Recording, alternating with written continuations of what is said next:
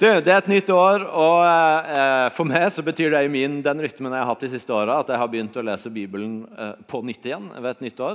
Siste åra har jeg fulgt en eh, bibelleseplan som, tar, eh, som Alfa har utvikla, og som gjør at du går gjennom Bibelen eh, en gang i, hvert år.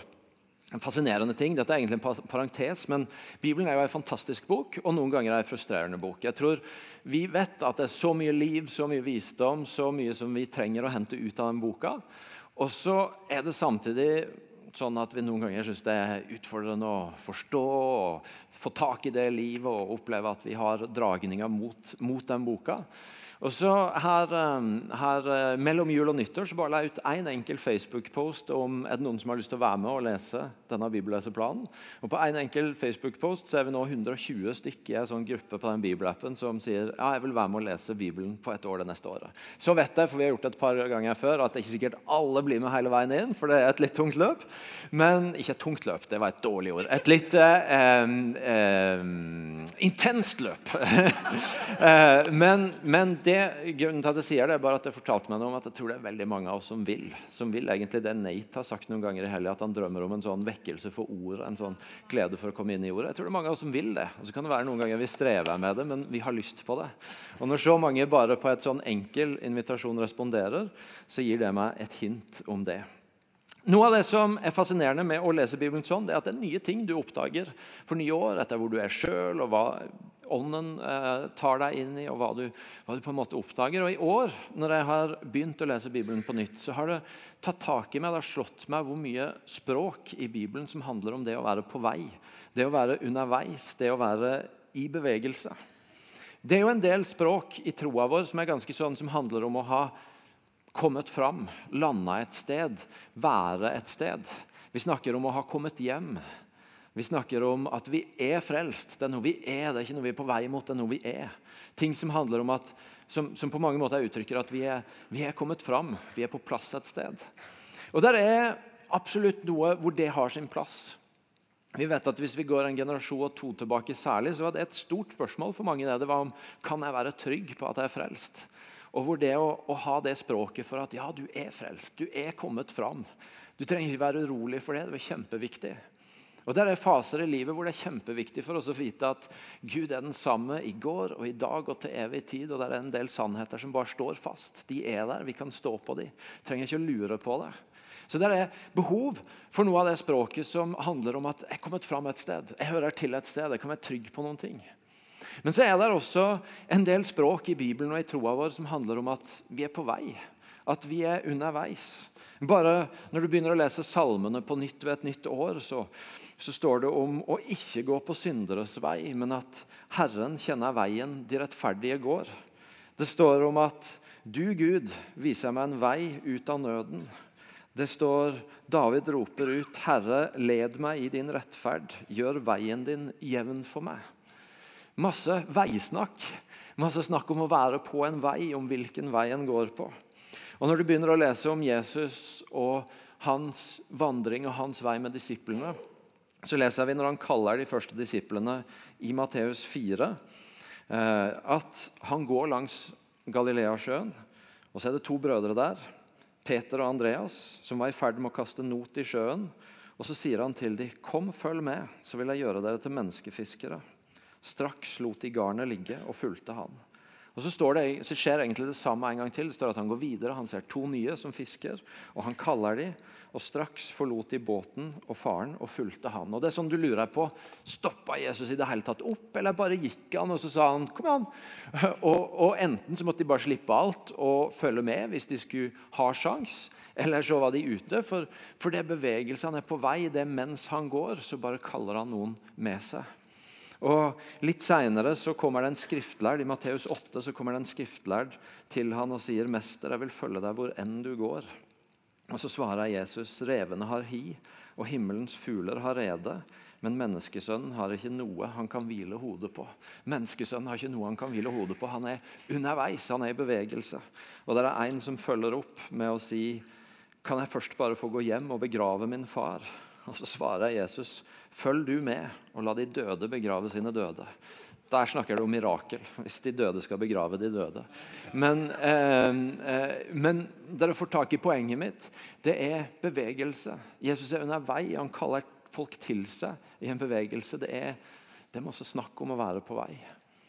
Og når jeg har eh, forholdt meg til det ved starten av dette nye året, så har det slått meg hvordan i det språket om å være underveis, om å være i bevegelse, om å bli leda et sted, om å gå, så er det både trøst og utfordring. Kanskje har du gått inn i et nytt tiår, eller hvis du vil ha det enda litt mer stort Nei, kanskje har du gått inn i et nytt år, eller hvis du vil ha det enda større, et nytt tiår. Um, og, og, og, du tenker ja, Jeg er ikke, jeg er ikke helt, helt i takt med der jeg ville jeg skulle være.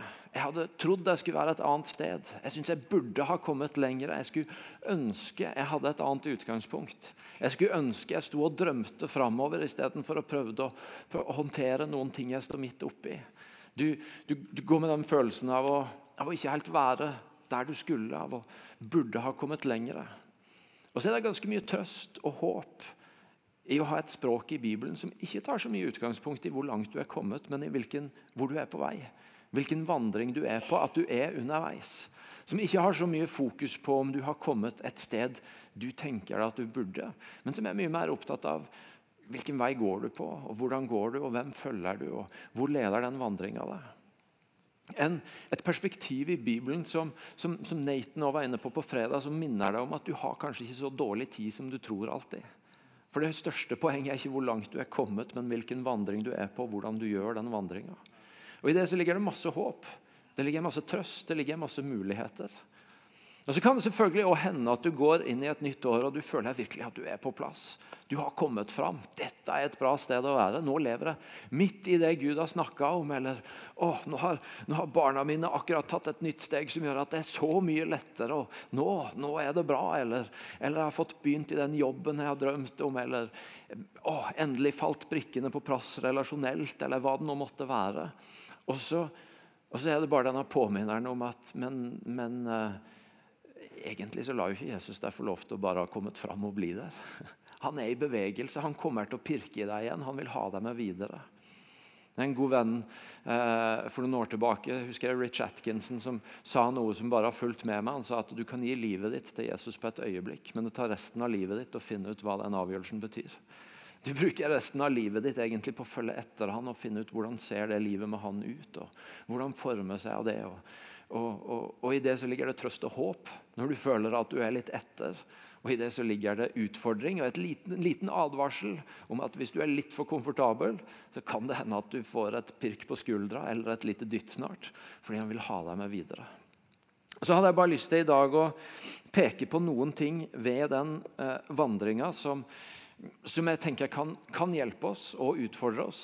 Jeg skal ikke forkynne én bestemt tekst i dag, men hoppe litt eh, fram og tilbake.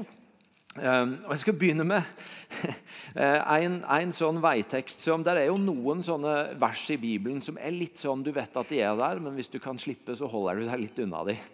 I hvert fall hvis du skal preike. fordi at de, de, de, de ikke nødvendigvis føles ikke som de enkleste eller de versene du er mest glad i. Så jo da, de er der, og det er Guds ord, men, men hvis jeg kan slippe, så, så, så lar jeg det ligge litt borti der.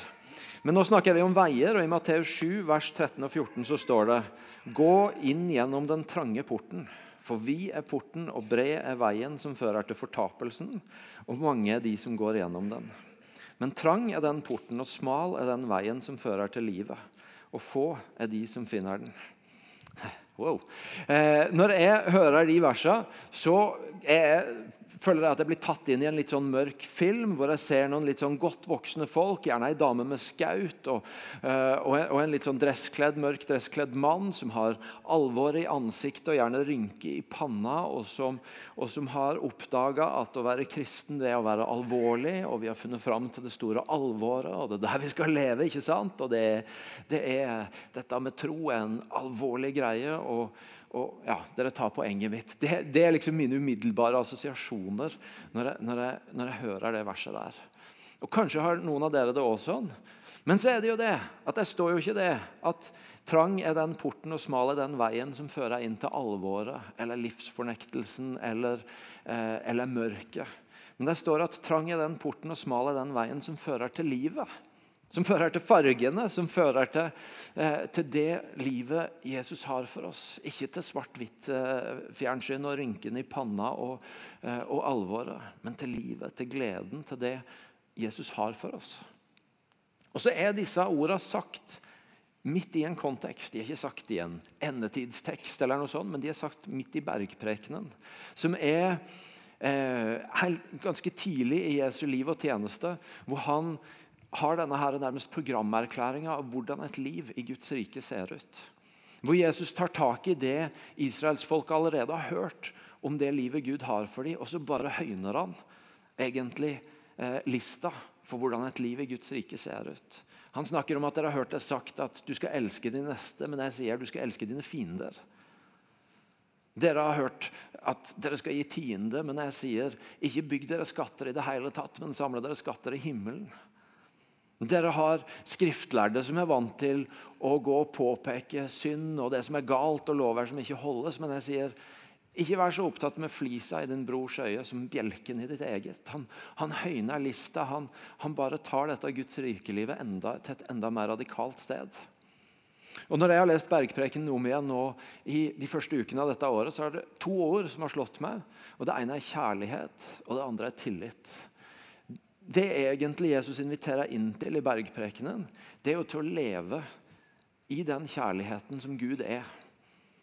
Eh, ordet vi bruker ofte for uh, ordet som blir brukt om, om, den kjærligheten som Gud representerer, det er å gape. Og Det er denne kjærligheten som, som ikke søker sitt eget. Som ikke stopper når en ikke sjøl vinner noe på det, men som fortsetter å elske uavhengig av respons, uavhengig av gevinst tilbake. Men som bare fortsetter å elske. Og når, når, når, Jesus sier sånne ting som ikke bare 'elsk din neste', men 'elsk dine fiender', så tar han oss jo egentlig inn i livet, i den kjærligheten som er Gud sin. Hvor du ikke stopper å elske når du er usikker på om du får noe tilbake på det, men du bare fortsetter å elske fordi det er Guds vei. Det er Guds rikelivet. Hvor du ikke stopper å leve sjenerøst når du har gitt det loven sier, fordi at da har du på et vis gjort ditt, men hvor du egentlig er opptatt av hvordan kan jeg bli fri fra pengenes makt over meg. Og heller bygge meg skatter i himmelen og leve i avhengighet til Gud. Og så kunne jeg fortsette. Men det har med å bli tatt inn i et liv av kjærlighet å gjøre. Og så har det med å bli tatt inn i et liv av tillit å gjøre. Hvor en faktisk stiller seg i en posisjon hvor jeg velger å tro at den veien Jesus peker på, selv om den er litt trangere og smalere, og ikke alltid føles som den enkleste og umiddelbart mest attraktive, faktisk er veien til livet. Der hvor jeg står stødigst til slutt. Noen vers senere så sier Jesus at de som hører disse ordene og gjør det, de er lik et hus som står støtt på fjell i stormen. Og Det vil jo si å OK Alt i meg sier at de som står meg imot, de som på mange måter er mine fiender nå, at det jeg burde gjøre, er å ta igjen eller å eh, på et eller annet vis jobbe for å sikre mine interesser. Men jeg velger i tillit til han jeg følger, å tro hans ord om at det beste jeg kan gjøre, er å elske dem. Og at til syvende og sist så vil det være den beste veien. Alt i meg sier at jeg, jeg burde sikre meg sjøl og familien min så godt jeg kan økonomisk. For da har jeg den tryggheten jeg trenger. Men jeg velger å stille meg i en posisjon av tillit hvor jeg ikke er uansvarlig eller, eller, eller ansvarsfraskrivende, men hvor jeg velger å leve i en raushet og tillit til at han vil sørge for meg. Alt i meg sier at det der som irriterer meg så sykt med han ved siden av meg, det burde jeg få påpekt og konfrontert, sånn at han kan få tatt ut den flisa. Men jeg velger faktisk å leve i en tillit til at den viktigste jobben jeg gjør, det er den jobben jeg gjør med meg sjøl. Og at det vil stå seg lengst i lengda. Det er et liv i tillit til at selv om det ikke alltid intuitivt er den enkleste veien, den raskeste veien, den veien som tar deg raskest ut av det du gjerne vil ut av, eller inn i det du vil inn i, så er det likevel den veien som til syvende og sist tar deg dit du vil, og til det livet Jesus har for deg. Jeg leste om Abraham også i disse første ukene. Han var på reise, han var på vandring. Gud kaller han til å bryte opp og gir han et løfte om at jeg skal gi deg et folk, jeg skal gi deg et land, jeg skal velsigne deg, sånn at ditt folk og din slekt skal bli til velsignelse for alle andre. Og Så følger vi Abraham gjennom den vandringa og så ser vi hvordan han slites mellom å leve i den tilliten og utfordres på det. Hvordan Abraham, når han reiser med sine nevø Lot, og, og, og, og summen av deres slekt og folk og deres dyr og alt det som følger, blir for mange til at det funker at de holder sammen. Så må, Han skjønner at de må skille lag. Og Så velger Abraham å leve i tillit til at Gud har jo gitt meg disse løftene. Han vil sørge for meg, så, så jeg lar Lot velge først. det. Lot får lov til å velge hvor han vil gå. Og når han har valgt, så kan jeg snu meg rundt og gå et annet sted. Og Så velger jeg Lot, det som for øyet og umiddelbart alt ser best ut, enklest ut. Han, han har vunnet i lotteriet. Og Så snur Gud Abraham, og så, og så peker han og så Se! Se alt jeg skal gi deg der. Så lever Abraham bare i en tillit til at Gud kommer til å stå ved sine løfter. Jeg trenger ikke å velge først for å sikre meg. Jeg kan la Lot gå først, jeg, og, så, og så kommer han til å sørge for meg. Men så går det litt til, og så, og så må de inn i Egypt pga. hungersnød. Og så vet Abraham Han er veldig oppmerksom på hvor vakker kona hans Sara er. Og så tenker han dette kommer ikke til å gå bra. Å komme som nykommeren inn i dette landet med den fineste dama i byen. Og så tenker han jeg får bare lure de og si at hun er søstera mi. Og så har han jo flaks da, siden han lever med Gud med han, sånn at uh, Problemene med det kommer jo på egypteren og ikke på han sjøl. Men det ender jo allikevel med at han må reise videre. Han må flytte fordi han, han, han tenkte han måtte fikse det på egen hånd. Dere tar poenget. ikke sant? Kunne fortsatt med, med andre eksempler, men denne her dragkampen mellom skal jeg velge å leve i tillit og tro at det holder, eller skal jeg prøve å fikse litt sjøl? Jeg tror det er relevant for ganske mange av oss. Dragkreftene, fristelsen, følelsen av at jeg må, jeg må, jeg må ordne litt på egen hånd. Jeg må, å, jeg, jeg må bare få en rask vei videre fra dette. Altså Invitasjonen til å tro at den veien han peker på, for det om den kan være litt smalere, litt trangere, ta litt lengre tid, føles som en omvei, faktisk er den beste for oss å leve i tillit til det. Det andre ja, Eller jo, det andre. Vi kan gå videre. Ehm, jeg har lyst til å bare nevne, det er jo at Jesus kaller jo ikke disiplene til en sånn ensom vandring Eh, på, på, på, på, en måte hvor han bare peker på det, det, livet de skal få leve i. Men han kaller de til å gå sammen med han og de andre disiplene. De blir kalt inn i et fellesskap. De blir om du vil, kalt inn i en familie. Og han sier 'Jeg skal gjøre dere til menneskefiskere'. Han kaller det ikke bare til å bli med han og gjøre noe greier, men han sier 'Jeg skal gjøre noe med hvem dere er'. Og Han sier i, Matteus, i bergpreken i Matteus 5 dere er jordens salt. Dere er verdens lys. Han kaller dem inn i en vandring i et fellesskap. Og han kaller dem til en identitet, til en forståelse av hvem de er, som de skal få lov til å leve i i møte med verden rundt. Og Noe av det som vi har snakka mye om i denne kirka, og som vi skal snakke enda mer om litt senere i vår, det er dette med at vi tror at kirka er en familie. Og Noe av det vi har lært de siste åra, når vi har gravd i det og gått etter det, det er at det som kanskje begynte for oss som et språk for det å være varme, vennlige, rause med hverandre, det handler egentlig om noe mye dypere. Nemlig at en, det at kirka er en familie, det handler dypest sett om identitet, om hvem vi er. Om at, om at for, fordi at vi får en oppdagelse av at vi er sønner og døtre av Gud far, så, så, kan vi møte hverandre og fellesskapet og verden rundt på en helt annen måte. Leif Etland han sier det sånn at når du vet hva som er din plass rundt familiebordet, så, så trenger du ikke å konkurrere med de andre, men du kan hvile der fordi du vet at du gjorde ingenting for å fortjene det. Det er din plass, og du kan hvile der. Og Det er noe med dette at, at fellesskapet, menigheten som familie, det, det er et sted som hele veien holder oss fast i hvem vi er i hva som er identiteten vår. Og Noe av det som ofte blir trua når vi er i denne bevegelsen, i denne vandringa Vi noen ganger føler på at nå er jeg etter. Nå skulle jeg ønske jeg var et annet sted. Jeg skulle ønske jeg hadde kommet lenger. Jeg skulle ønske jeg slapp å face disse tingene, og jeg har lyst til å ta noen valg som tar meg rundt i. Så er Noe av det som veldig lett skjer, det er at vi, vi glemmer noe av hvem vi er. Noe av hvem Gud har sagt at vi er. Og Det som også kan skje når vi er veldig på plass, når vi er veldig kommet fram, det er for så vidt også at vi glemmer hvem vi er. At vi glemmer hva han har kalt oss til. Vi blir fornøyd, vi blir satt, vi slår oss til ro. Og så, og så har Gud noen andre ord og noen andre tanker over livet vårt. Og Det beste stedet vi kan være for å hele veien holde fast i hvem er det Gud sier at det er, det er å sikre at vi er i familien. At vi er rundt et bord, i et fellesskap, som, som, minner oss om hele veien. Ikke bare hva som er situasjonen nå, men om hvem Gud sier at vi er. Jeg leste for en tid tilbake, synes det var utrolig fascinerende, jeg leste en greie om, om eh, eh, for et par århundrer tilbake, når alle nybyggerne kom til USA og inntok nytt land og begynte å bygge opp et nytt samfunn. og Parallelt med at de levde der, så levde jo urbefolkninga der. Og så var det noen som gjorde, fulgte litt med på bevegelsen mellom nybyggerne. med alle, alle disse europeerne og andre som kom og inntok nytt land og bygde opp nye samfunn der. Og urbefolkninga som levde der. Og disse Nybyggerne de tenkte jo at vi representerer framtida. Vi har det mest attraktive samfunnet.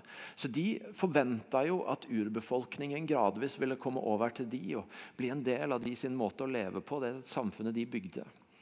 Men når de noen ganger innimellom klarte å lure noen av urbefolkninga over til å bli en del av deres samfunn, så gikk det ikke lange tida før de reiste tilbake igjen og slutta seg til sin egen flokk, der de tidligere hadde hørt til.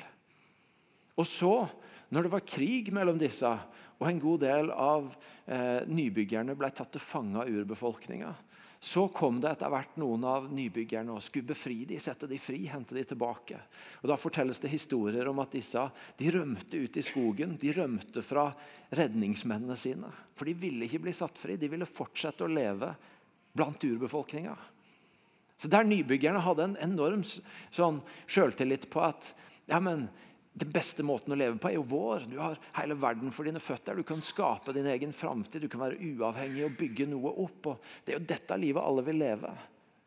Så talte både nybyggere og eh, urbefolkning med beina sine med å si at nei, de av oss som har fått mulighet til å erfare livet til urbefolkningen her, vi vil heller være her. Og Forskjellen var at i urbefolkninga var det et ekstremt tett fellesskap. Hvor man hørte til hvor man eh, var tett på i relasjon, og hvor man var villig faktisk til å ofre denne her friheten til Jeg kan skape alt for meg sjøl med jeg hører til et sted. Og jeg synes bare Den historien er fascinerende fordi den er gammel og fordi det er mange nyanser i det forholdet mellom frihet og tilhørighet. Av at vi så ofte tror at det er noe som er attraktivt. Og så er det kanskje så mye mer attraktivt bare det å høre til. Være en del av en familie. Holde til et sted hvor du, hvor du blir minna om hvem du er. Hver onsdag eller annenhver onsdag så, så, så samles jeg med en gjeng i ei huskirke. Vi sitter rundt bordet, vi spiser sammen, vi ler sammen, vi snakker om løst og fast sammen. og så Etter hvert så går vi over til å fortelle om hva som har skjedd siden sist. og Vi, vi, vi, vi åpner Bibelen og snakker om noe av det vi forkynner om her. Og så, og så deler vi ting vi kan be for hverandre med. og, og, og for, for, det som etter hvert nå er tid siden, så kom en inn i vår huskirke. Og, og Han hadde opplevd en del ting i livet sitt som gjorde at han hadde vært litt på distanse fra kirka og troa en stund. og, og så hadde han valgt å komme inn her. Han hadde valgt å bli en del av huskirka. Han gikk mye på gudstjeneste, på bønn og lovsang. Og så husker jeg På ett punkt så sier han før alt dette her skjedde, så var noe av det som var pulsen i mitt liv med Gud, det var at, at det var lett å høre han. Det var lett å høre stemmen hans. Og I hele denne tida med alt dette som skjedde, hvor jeg har vært borte, så har jeg ikke hørt Gud. Men nå har jeg begynt å høre han igjen.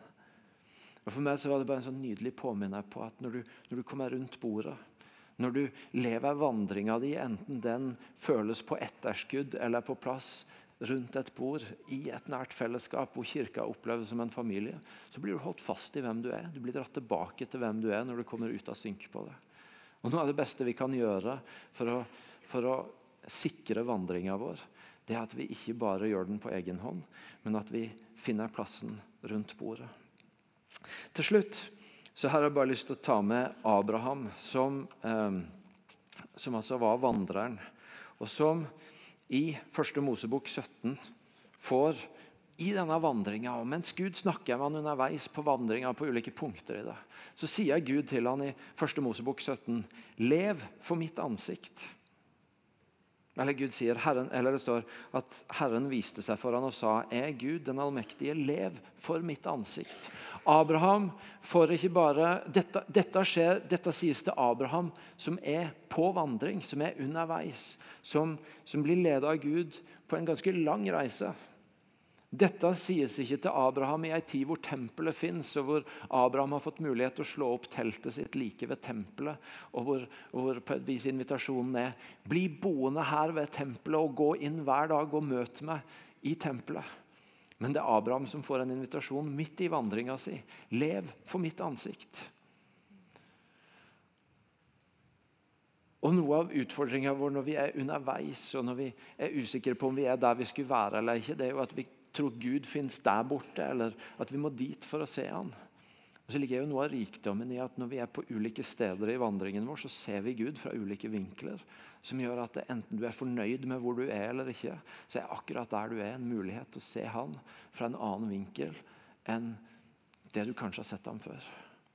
Sånn er det jo med oss mennesker òg. Noen ganger så møter vi folk på så, så, kommer vi i nye situasjoner med folk, og plutselig så ser vi oi, det bor jo noe annet i dem. Der, der skjedde det, og da kom det plutselig ut noe jeg ikke hadde sett i den personen før. Jeg kan beskrive i detalj for deg første gang jeg så min pappa gråte. for det hadde jeg aldri opplevd før. Men i begravelsen til min tante Else i Moss, ute, det var sol. Jeg ser for meg plenen, jeg ser for meg borda, jeg ser for meg hvor pappa står. Jeg kan huske det så godt, for jeg hadde aldri sett han grine før. Men, husker, men da kom det ut i den situasjonen. Og Noen ganger er det sånn ikke sant, at nye situasjoner bringer ut nye ting i folk rundt oss. Og Sånn er det med vandringa vår med Gud òg. Han gir en invitasjon til Abraham midt i vandringa. Lev for mitt ansikt. Der du er nå, kan du se på som et problem at jeg burde sikkert være der, for å være der borte for å være nær Gud. Eller du kan se på det som en mulighet for at akkurat her så kan jeg kanskje få se Gud på en annen måte enn jeg har fått sett før. Akkurat her så kan det hende at noen av disse tekstene åpner seg på andre måter for meg, fordi, fordi orda får en annen valør og klang når jeg har noen andre spørsmål. Lev for hans ansikt. Ikke vær så opptatt med hvor du skulle vært. eller Ikke land bare der du er og tenk at der blir du, men lev for hans ansikt underveis. Og La det få bli muligheten til å kjenne han dypere, bedre, breiere i hele bredden av hvem han er. Jeg skal avrunde. Jeg ser at tida går. Eh, Martin sa forrige søndag så sa han, I sånne kristelige kirkesammenhenger så kommer det av og til sånne, litt sånne store ord om hva dette året skal være. og Han refererte til noen pastorer han hadde hørt som snakka om at dette skal bli et profetisk år. Eller et år for gjennombrudd og sånne ting. Og så sier Martin bare jeg skulle bare ønske at 2020 kunne bli et Jesusår. Og Det har bare hengt med meg siden. Ja, det har jeg lyst til å være med på. La 2020 bli et Jesusår. Hvor vi lever i den tilliten til at i det å se på Han gjennom vandringa vår i 2020, uansett om det utgangspunktet er der du ønsker at det skulle være, eller ikke, så fins alt vi trenger. Og Jeg har sagt noen ganger til dere IMI-folk i hvert fall de siste åra at jeg tror at vi mer og mer er på vei inn i en tid hvor, hvor, vi enten vi har lyst til det eller ikke, vi som velger å følge Jesus, blir pressa til å enda tydeligere stå for noe.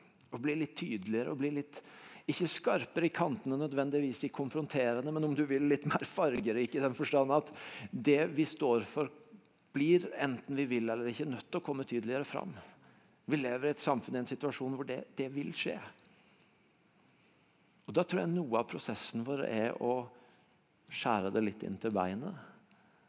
Og tenke at ja, det er noen ting som er bra, men det er noen ting som er helt avgjørende. og En av de er å sette Jesus helt til sentrum og tenke at selv om hans vei noen ganger er litt mer omvei, litt trangere, litt smalere, så er det den beste veien. Og holde fast i at skal jeg, skal, skal jeg få bli værende på den veien, så må jeg plassere meg sjøl i en familie. Og tro på at under den vandringa så kan jeg hele veien få se nye sider av han og få et rikere bilde av han. Og Det er faktisk en vandring som varer livet ut. Skal vi reise oss opp og be sammen?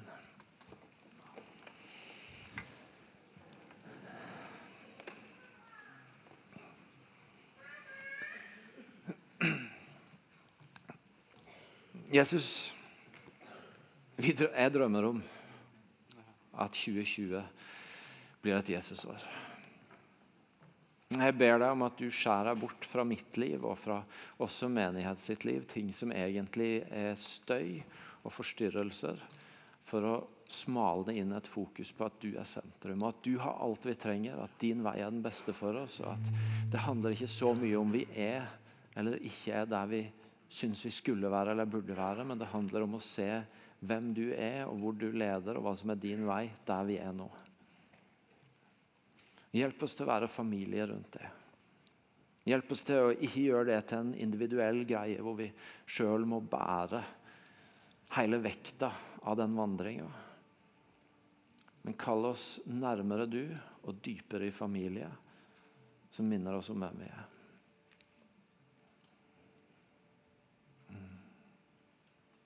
Og Om det er andre ting rundt oss som rystes eller som vi blir usikre på, så bare øk tilliten vår til hvem du er, til at du har svaret til at du er veien.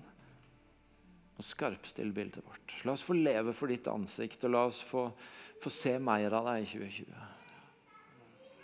Hmm.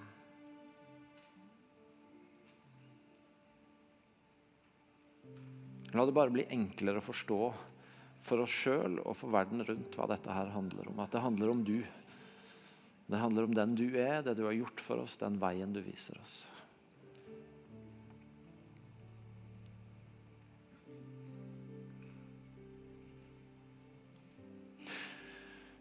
Hvis du er akkurat nå, Den hellige ånd minner deg om, særlig taler til deg om det første jeg snakka om, med, med, med, valg. Du utfordres på å tørre å tro og ha tillit til at Jesusveien, for om det ikke er den enkleste veien alltid, så er det den beste veien. Du står overfor noen valg. Du utfordres på en tillit. Fordi du ønsker ikke bare å ta shortcuten, men du ønsker å ta det valget som tar deg dit du til syvende og sist vil. Hvis det er du, så gir jeg han i været, og så har jeg lyst til å be for deg.